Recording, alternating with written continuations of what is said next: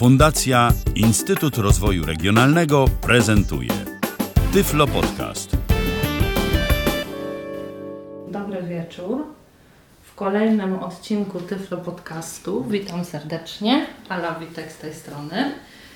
E, cieszę się, że znaleźliście Państwo czas i macie ochotę wysłuchać kolejnej audycji z cyklu Babie Lato. Dziś chciałabym opowiedzieć o mm, bardzo miłej, twórczej i potrzebnej czynności, jaką jest e, nakrywanie stołu. E, chciałabym opowiedzieć o tym, jak zrobić to należycie w warunkach domowych przy okazji mm, spróbuję opowiedzieć troszeczkę o rzeczach dodatkowych związanych właśnie z e, nakrywaniem i dekorowaniem stołu. Czego potrzebujemy, aby stół e, udekorować, aby stół e, prawidłowo nakryć? Pierwszą rzeczą jest oczywiście stół, który ma swoje cechy.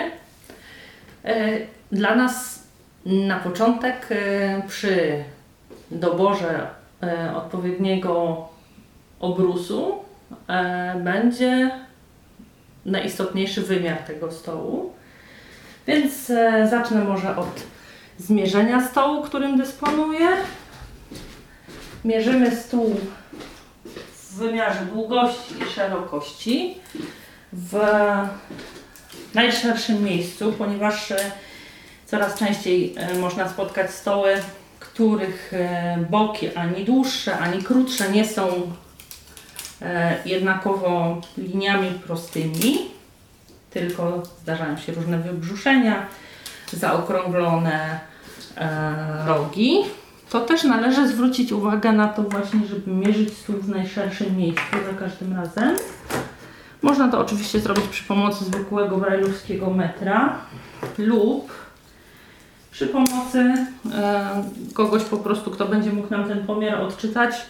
Stół nam nie rośnie ani się nie kurczy, więc wystarczy zrobić to raz. Można sobie jakoś to e, w jakimś miejscu zapisać i później przed kupnem obrusu wziąć ten wymiar pod uwagę. E, pierwszy wymiar mój stołu na długość to jest 160 cm.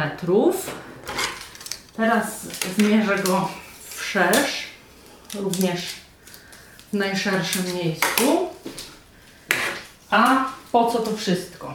Chodzi o to, aby obrus, którym nakrywamy nasz stół, nie był e, z żadnej strony za krótki. Obrusa e, musi nam wystarczyć na to, aby przykryć całą powierzchnię górną stołu i aby z każdej ze stron zwisał jednakowo nie mniej niż 20 cm z każdej strony. Przyjmuje się, że taką optymalną miarą jest dodanie do wymiaru wzdłużnego i tego wszerz naszego stołu jeszcze 50 cm.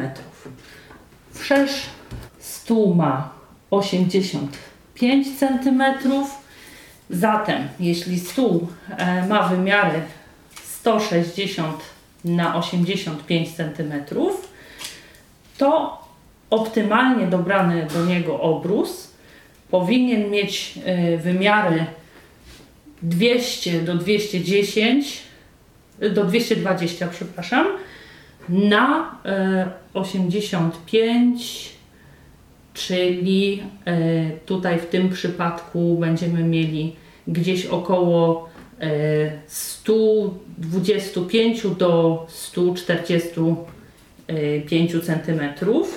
I e, teraz zanim nakryjemy stół obrusem, który już e, mamy w takim wymiarze, jaki powinniśmy mieć, przede wszystkim upewniamy się po pierwsze, że stół jest czysty, że nie ma na nim żadnych okruchów i także upewniamy się co do tego, że nic na stole nie leży. Czasami się zdarzy pozostawić, prawda, jakąś drobną rzecz, która jakoś nie rzuca się w oczy ani nie rzuca się w ręce, a kiedy już ją przykryjemy e, obrusem i nie zauważymy tego, później będzie nam się spod niego e, nieładnie wybrzuszać. Nie mówiąc już o tym, że kiedy zaczniemy stawiać na przykład jakieś naczynia z płynem i postawimy brzegiem na takiej rzeczy, po prostu to nam się będzie wylewać. Jeśli chodzi o obrus, za każdym razem obrus na stół e, musi być idealnie wyprasowany. Idealnie wyprasowane to znaczy nie podwijają się nam brzegi pod spód, nie podwijają się nam brzegi na zewnątrz, nie są e, widoczne ani wyczuwalne żadne zmarszczenia, chyba że obrus ma taką e, strukturę materiału. I e, przede wszystkim nie są widoczne zagięcia po tym, jak obrus był złożony. Co jasne, nikt nie trzyma e, obrusów e, rozłożonych w całości, więc jakoś tam musimy je składać. Tak więc przed położeniem na stół obrus należy wyprasować i zrobić to należy bardzo porządnie. E, więc tak. Przy prasowaniu, ponieważ obrusy mają na ogół dosyć dużą powierzchnię, korzystamy z deski. Natomiast, żeby obrus nie ciągnął się nam po ziemi, w pewnym oddaleniu, mniej więcej 40-50 cm, stawiamy sobie krzesło odwrócone oparciem do deski. I każdą, jeśli tylko e, wyprasujemy już taką część obrusa, która będzie sięgała do tego oparcia tego krzesła, nakładamy ją i dalsze części prasujemy kolejno, przesuwając te już wyprasowane w stronę krzesła. To nam pozwala uniknąć i e, gniecenia się, zagniatania na, na powrót e, obrusa przez to, że po prostu będzie e, leżał na ziemi, a przede wszystkim podłoga to jest podłoga. Choćbyśmy ją sprzątali i czyścili nie wiem jak, zawsze pozostają na niej jakieś drobne pyłki, jakieś e, włosy. Na przykład jeśli mamy w domu psa, to jest to po prostu niekończąca się sytuacja. A na pewno nie chcielibyśmy aby na obrusie kładzionym na stole, z którego za chwilę będziemy jeść, e, takie zabrudzenia się znalazły. Kolejna sprawa, zarówno dotyczy to gotowania, jak i nakrywania do stołu i podawania wszelkiego rodzaju potraw. E, zawsze w przypadku pań, e, jeśli posiadamy długie włosy, e, włosy takie już na tyle długie, że przesypują się nam swobodnie. Pilnujemy, żeby były związane, dlatego że po prostu nie mamy kontroli nad tym, kiedy i ile włosów nam wypada, a nie możemy pozwolić sobie na to, żeby pozostawały na obrusie, w naczyniach, czy nie daj Boże w potrawach. E, więc zaczynamy rozkładać obrus. Robimy to ostrożnie, tak aby nie e, spadał nam ze stołu w żadną stronę. Najlepiej jest stanąć sobie u szczytu stołu i w tą dłuższą stronę obrus delikatnie rozłożyć. Później rozciągamy go w stronę boków i poprawiamy. Jedną ręką można sobie przytrzymać, żeby się nam nie zsunął, bo część materiałów jest na tyle śliska, że bardzo łatwo mogą się zsunąć ze stołu. O, i rozciągamy obrus na razie wstępnie. Jak już mówiłam, nie może e, obrus z żadnej strony e, wisieć, e, dobrze dobrany obrus, większym kawałkiem niż z innych stron. Także niestety, jeśli ktoś jest e, na tyle wprawiony już w rozkładaniu konkretnego obrusa na swoim stole, może się obyć bez mierzenia. Natomiast jeśli nie jesteśmy pewni, nie jesteśmy w stanie ogarnąć tego wzrokiem, że zerkniemy z jednej strony, z drugiej strony i porównamy, stwierdzimy, a jest równo. Niestety niezbędne jest mierzenie.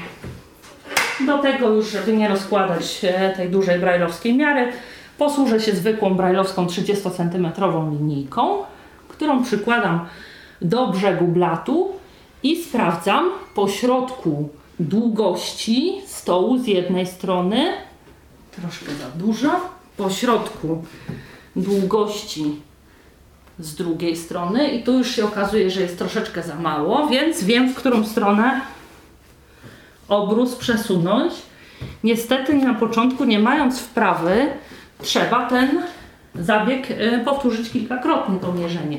Dlatego, że e, nie możemy się spodziewać, że już za pierwszym razem e, uda się nam na 100% równiutko rozłożyć obrus przy tej pierwszej wstępnej próbie.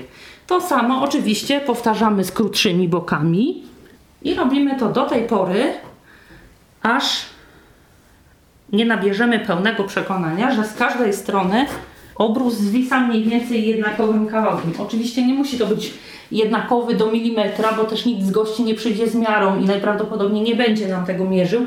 Chodzi tutaj o zachowanie pewnej estetyki. Teraz już jest dobrze. Jak e, dobieramy obrusy e, poza wymiarem?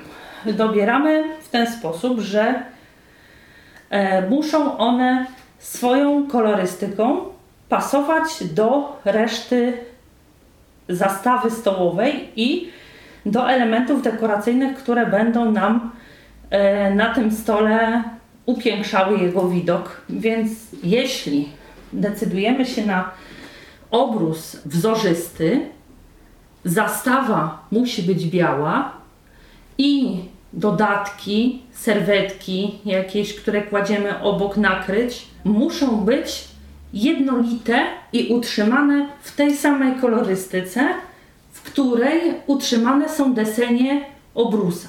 Natomiast e, jeśli decydujemy się na e, zastawę z jakimiś e, elementami dekoracyjnymi, wtedy już e, musimy zdecydować się na e, obrus gładki.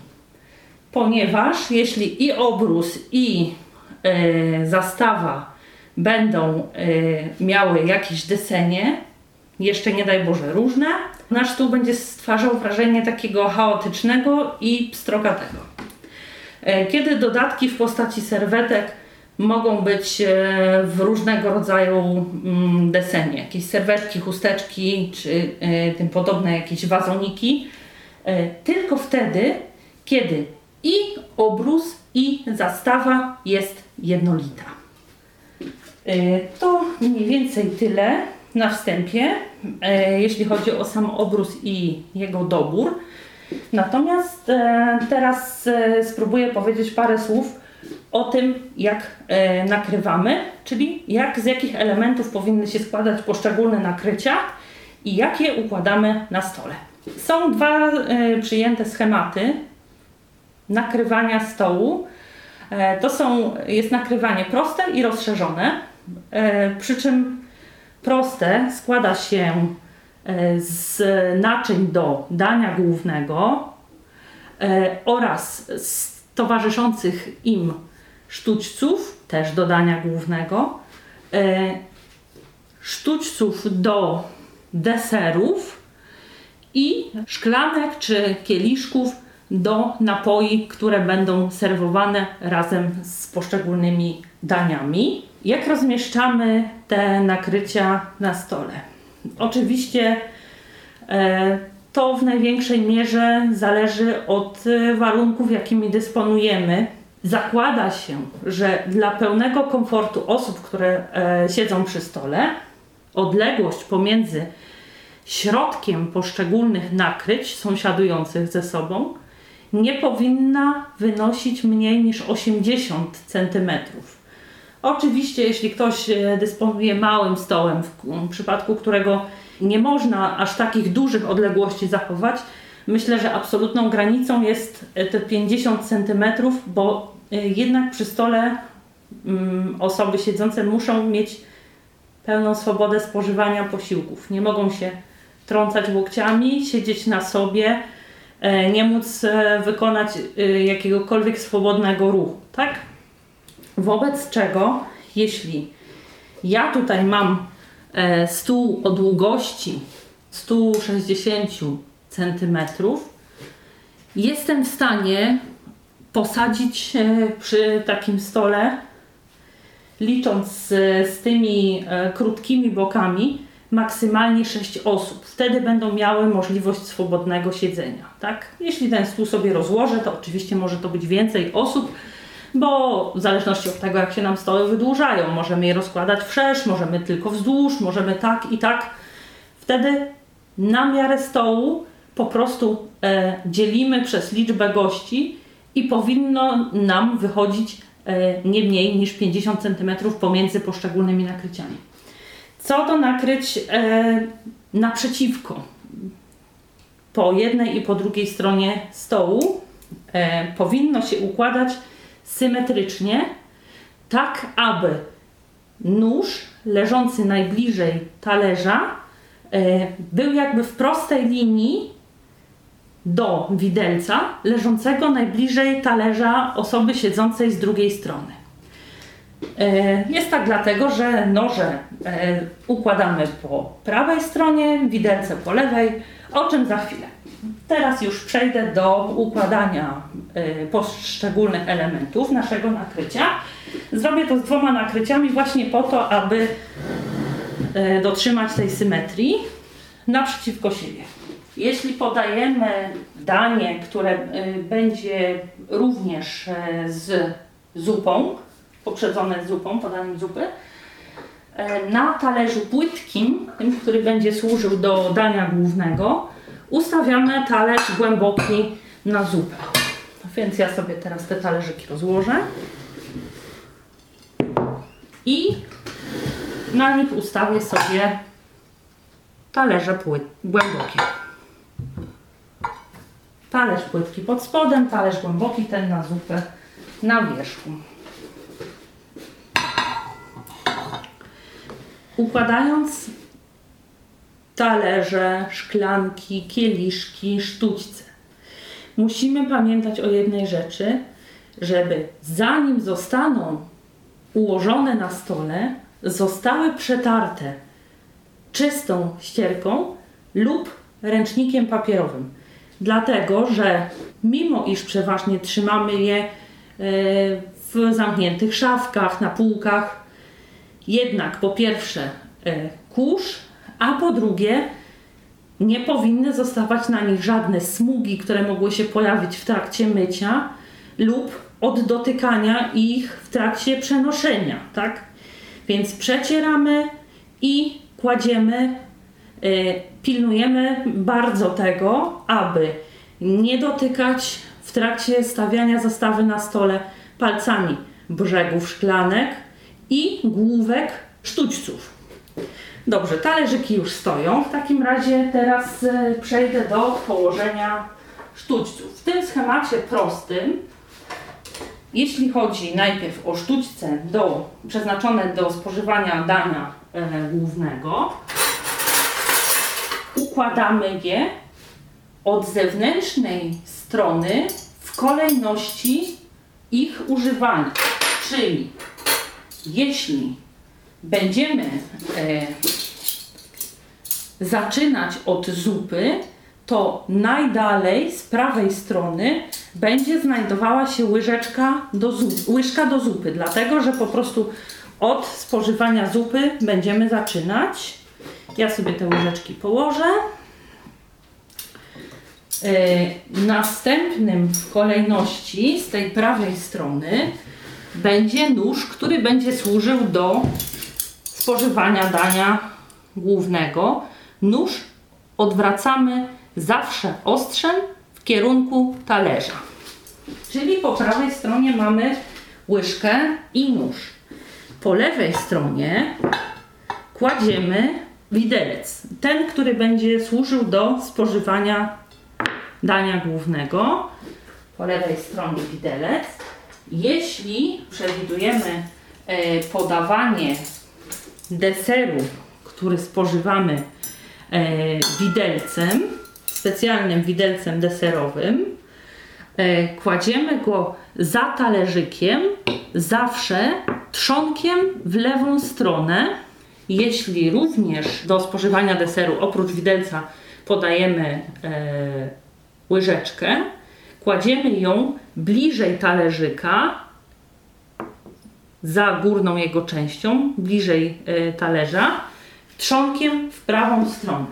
Powtórzę jeszcze dla pełnej jasności, e, kiedy patrzymy na talerz, za godziną 12 talerza znajdują się położone sztuczce do deseru. W kolejności od talerza łyżeczka skierowana trzonkiem w prawą stronę, czyli w stronę godziny trzeciej, dalej w stronę środka stołu, widelczyk do deseru skierowany trzonkiem w lewą stronę, czyli w stronę godziny dziewiątej. Jeśli e, do posiłku zamierzamy podać e, pieczywo, to e, na lewo od widelca do głównego posiłku, w górnej części, tuż za końcem łyżeczki do deserów i trzonka widelca do deserów, kładziemy talerzyk mały plus na nim mały nóż do masła. Nóż do masła to jest taki malutki nożyk z ostrzem zakończonym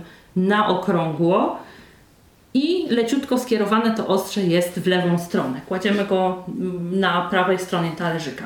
O nożu do e, masełka, do masła już powiedziałam, natomiast e, czym różni się widelczyk do deserów od e, zwykłego widelca do spożywania tych dań głównych?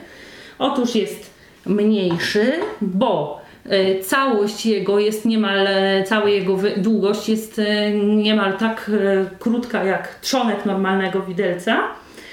Natomiast główka jest nie z czterema ząbkami, tylko z trzema ząbkami grubszymi i jest minimalnie węższa od tej, którą spotykamy w zwykłym widelcu. Tak rozpoznajemy na pierwszy rzut, że tak powiem, palca e, widelec do deseru.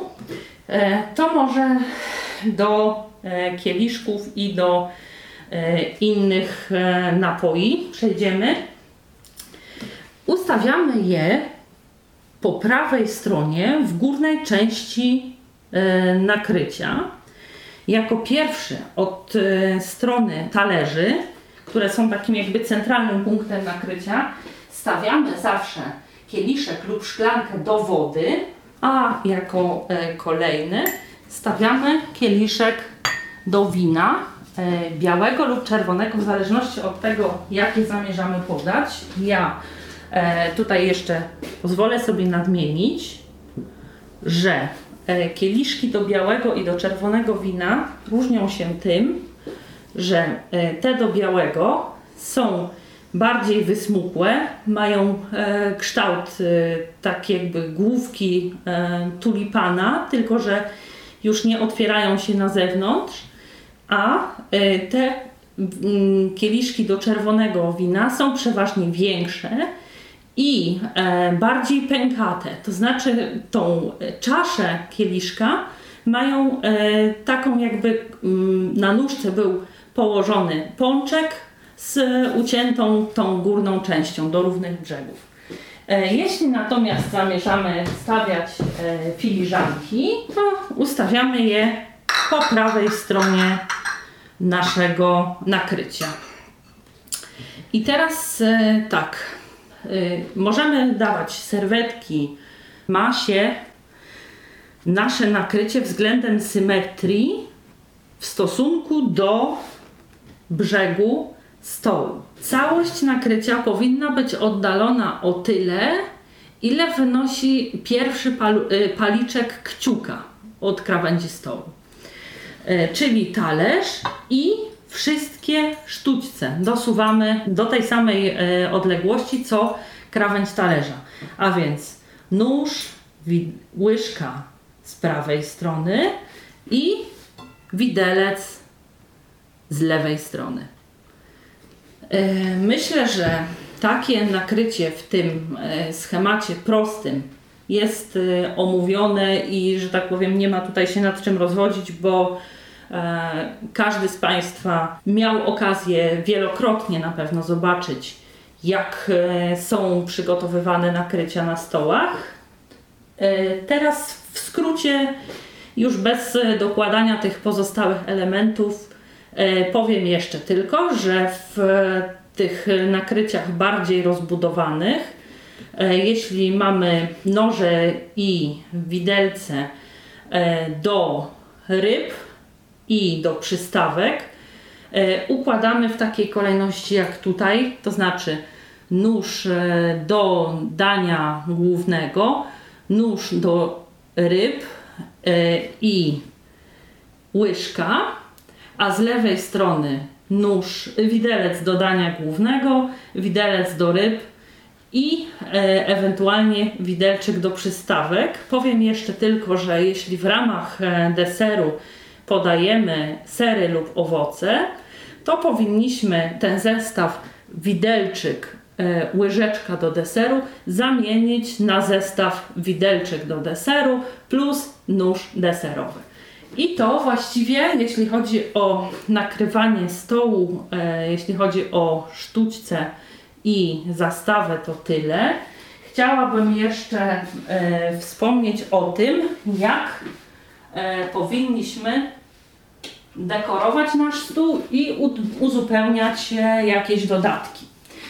Tak więc pamiętamy o tym, że na stole oczywiście stawiamy cukiernicę na cukier sypki lub cukier w kostkach. I o ile do e, cukiernicy na cukier sypki możemy e, dać łyżeczkę, taką zwykłą do cukru, to do cukru w kostkach musimy mieć specjalne szczypce do cukru, dlatego że po prostu łyżeczką te kostki e, będzie się źle nabierać. Poza tym, e, jeśli chodzi o dodatki już takie czysto dekoracyjne, to e, niejednokrotnie te rzeczy, które s- służą nam do praktycznych rzeczy, takich jak właśnie słodzenia czy solenia, mogą stanowić jednocześnie bardzo e, eleganckie elementy dekoracyjne. Mogą to być e, różnego rodzaju, w formie różnego rodzaju zbanuszków, e, małych e, flakoników lub e, figur geometrycznych. E, Chodzi o to, żeby i kolorystyką, i ewentualnymi wzorami były dopasowane do e, reszty elementów, które znajdują się na naszym stole. Oprócz e, cukierniczek, solniczek i innych takich przydatnych rzeczy, które służą też celom praktycznym, nie możemy zapomnieć o tym, żeby ustawić na stole mm, serwetki włożone do serwetnika. Te serwetniki teraz też są e, coraz piękniejsze, coraz bardziej dekoracyjne. E, Nie są to już takie blaszane półkola albo blaszane trójkąty, jakie były kiedyś spotykane. E, Są eleganckie, porcelanowe. Można dos- bez najmniejszego problemu dobrać serwetnik w takich samych kolorach czy deseniach, jak zastawy, którymi dysponujemy. Więc on musi się znaleźć na stole. I jeszcze chciałam jedną uwagą podzielić się odnośnie świec. E, więc świece najlepiej, żeby też nie były za wysokie, żeby nie zasłaniały e, właśnie współbiesiadników nam i nas współbiesiadnikom. E, I raczej ja jako osoba mm, mająca właściwie resztki wzroku unikam świec, które mają jakieś wzory wtapiane, takie z innego materiału, dlatego że do momentu, e, kiedy świeca pali się w tych miejscach e, jednolitych, na tym jednolitym obszarze wszystko jest dobrze. W momencie, kiedy e, zaczyna się palić, już wypalać w tym miejscu, gdzie jest ten wzór, zaczyna się wypalać nierównomiernie. I jeśli jest to świeca długa, to może się zwyczajnie złamać i albo po prostu w najlepszym razie zachlapie nam stół tą staryną, w najgorszym po prostu obrót się zajmie, albo y, po prostu będzie tak, że y, będzie się wytapiała z jednej strony coraz bardziej, a z, druga, co, z drugiej coraz mniej. I ta stearyna po prostu będzie nam skapywać y, najpierw na świecznik, później na obrus, a plamy z wosku nie są, nie należą do najłatwiejszych do usuwania, dlatego z uwagi na to, że nie jestem w stanie e, takich świec na bieżąco pilnować, zwłaszcza, że jestem zajęta wtedy e, podawaniem do stołu, e, zabawianiem gości rozmową, zwracaniem uwagi na to, czy nikomu niczego nie brakuje itd., itd. E, Ostatnią rzeczą, o której myślę, jest pilnowanie świec. E, Także mimo iż te świece są e, bardzo szykowne, bardzo piękne, to jednak ich nie polecam. To jest e, taka kolejna sprawa. E, Co do ozdabiania stołu już e, w celu upiększania, to właściwie Poza tymi mm, takimi elementami napoły praktycznymi, napoły dekoracyjnymi, czym możemy jeszcze dysponować? Mogą to być na przykład kwiaty. Kwiaty powinniśmy, żywe oczywiście, cięte kwiaty, powinniśmy je ustawiać na stole w niskich naczyniach, czyli w jakichś specjalnych e, wazach, niskich wazonach, e, małych ozdobnych miseczkach, e, po to, aby nie zasłaniały biesiadnikom pola widzenia, bo jeśli ustawimy na przykład na środku stołu jakiś wazon z dużym bukietem, to po prostu ludzie z jednej strony stołu nie będą się widzieć z tymi z drugiej strony stołu, co przeszkadza w swobodnej konwersacji, bo jak wiadomo wszyscy, e, jak wszyscy wiemy, jesteśmy przyzwyczajeni w trakcie mówienia do utrzymywania tego kontaktu wzrokowego. Powinniśmy unikać świec o takich bardzo, bardzo intensywnych zapachach, dlatego że jeśli to będzie e, lekko wyczuwalny zapach, a ktoś z naszych gości takiego zapachu nie lubi, nie będzie to dla niego bardzo drażniące na przykład, ale jeśli ten zapach będzie bardzo intensywny, to e, może mm, zepsuć całą przyjemność z konsumowania przygotowanych przez nas przepysznych i przepięknie pachnących potraw. Cóż jeszcze mogłabym powiedzieć? E, słyszałam o sugestiach, żeby osobom e, niewidomym przygotowywać, jeśli przyjmujemy takie osoby u siebie w domu, przygotowywać specjalne, to znaczy nie specjalnie przygotowywać, tylko w ramach nakrycia, o, przygotowywać takie podkładki. Ja osobiście jestem wielką przeciwniczką takiego rozwiązania, dlatego że po pierwsze, nigdy nie widziałam e, podkładek takich tych prostokątnych pod talerze, które by się nadawały, e, byłyby na tyle estetyczne, że nadawałyby się do układzenia na eleganckim stole. A po drugie, uważam, że jest to swego rodzaju stygmatyzacja, bo to tak jakbyśmy z góry zakładali, że osoba niewidoma e, coś rozleje, coś wysypie z talerza na zewnątrz, a tak naprawdę e, takie rzeczy zdarzają się wszystkim i nawet jeśli ktoś coś takiego zrobi, dziś są takie czasy, przynajmniej ja wychodzę z takiego założenia, że nie ma plam, których nie dałoby się usunąć, więc po prostu e, nie ma sensu robić tak, takich dziwacznych rzeczy, że jakieś słomkowe, bambusowe czy inne materiałowe takie podkładki e, są. Jeśli gdzieś zobaczę e, atłasowe albo koronkowe, to być może się skuszę, póki co nie widziałam. E, to oczywiście był żart. Także myślę, że w kwestii nakrywania i dekoracji to mniej więcej tyle. Chciałabym jeszcze mm, troszeczkę opowiedzieć o kolorach, jakie dekoracje, w, jakich, w jakiej kolorystyce mm, są e, stosowne do jakich okoliczności. E, to znaczy, są to oczywiście takie luźne propozycje, więc jeśli na przykład dekorujemy stół e, na śniadanie wielkanocne, to powinniśmy postawić na jasną kolorystykę. Po pierwsze, dlatego, że jest to śniadanie, a zawsze w jaśniejszych tonacjach stoły dekoruje się na śniadania, a w ciemniejszych na jakieś późne obiady lub kolacje. E, oczywiście nie preferuje się obrusów zupełnie ciemnych, e, takich, które e, byłyby mm, jakimiś takimi bardzo, bardzo ciemnymi to, e, tonacjami poszczególnych kolorów. Natomiast wracając do tego wielkanocnego śniadania, z czym kojarzą się nam święta? Kojarzą się z żółtymi pisklaczkami, z jasno-zieloną, świeżą, wiosenną trawką. Więc przy takim stole powinna e, dominować taka kolorystyka właśnie e, typowo świąteczna, typowo wiosenna, e, żółto, zielona. Jeśli chodzi natomiast o święta Bożego Narodzenia, to tutaj dominują kolory czerwieni i takiej ciemnej, choinkowej zieleni. I o ile na przykład w przypadku świąt wielkanocnych poza takimi e, typowymi elementami dekoracyjnymi, jak e, jakieś e, tam powiedzmy wazoniki w kształcie kurczaczków i żółtych jakichś tam żonkili żywych, które najczęściej w święta Bożego Narodzenia już są dostępne do kupienia to tutaj e, w przypadku Bożego Narodzenia możemy mm, postawić na stole e, tylko pod warunkiem, że nie jest zbyt okazała, to znaczy zbyt wyrośnięta e, gwiazdę betlejemską, ponieważ ona właśnie ma czerwone kwiaty i takie ciemnozielone liście i świetnie koresponduje z takimi bożonarodzeniowymi dekoracjami, tymi właśnie tonacjami. Poza tym Cóż jeszcze można? Można jeszcze czerwone jabłuszka na przykład i zielone choinkowe gałązki. Oczywiście wszelkiego rodzaju stroliki, takie, które są bezpośrednio już związane z klimatem świąt i pod tym kątem przygotowane, pod warunkiem, że nie będą zbyt wysokie, ani też zbyt szerokie, bo jak wiadomo na e, stole oprócz e, tego, co jest elementem nakryć i elementem dekoracji, przede wszystkim muszą się zmieścić e, potrawy. I kolejna taka propozycja to jest propozycja karnawałowo-sylwestrowa. Tutaj możemy się pokusić o takie odważne kolory, które zarazem są stymulujące, więc przy jasnym stole i przy jasnej zastawie możemy się pokusić nawet o na przykład żywe, fioletowe e, barwy serwetek, świec e, czy e, jakichś innych dekoracji.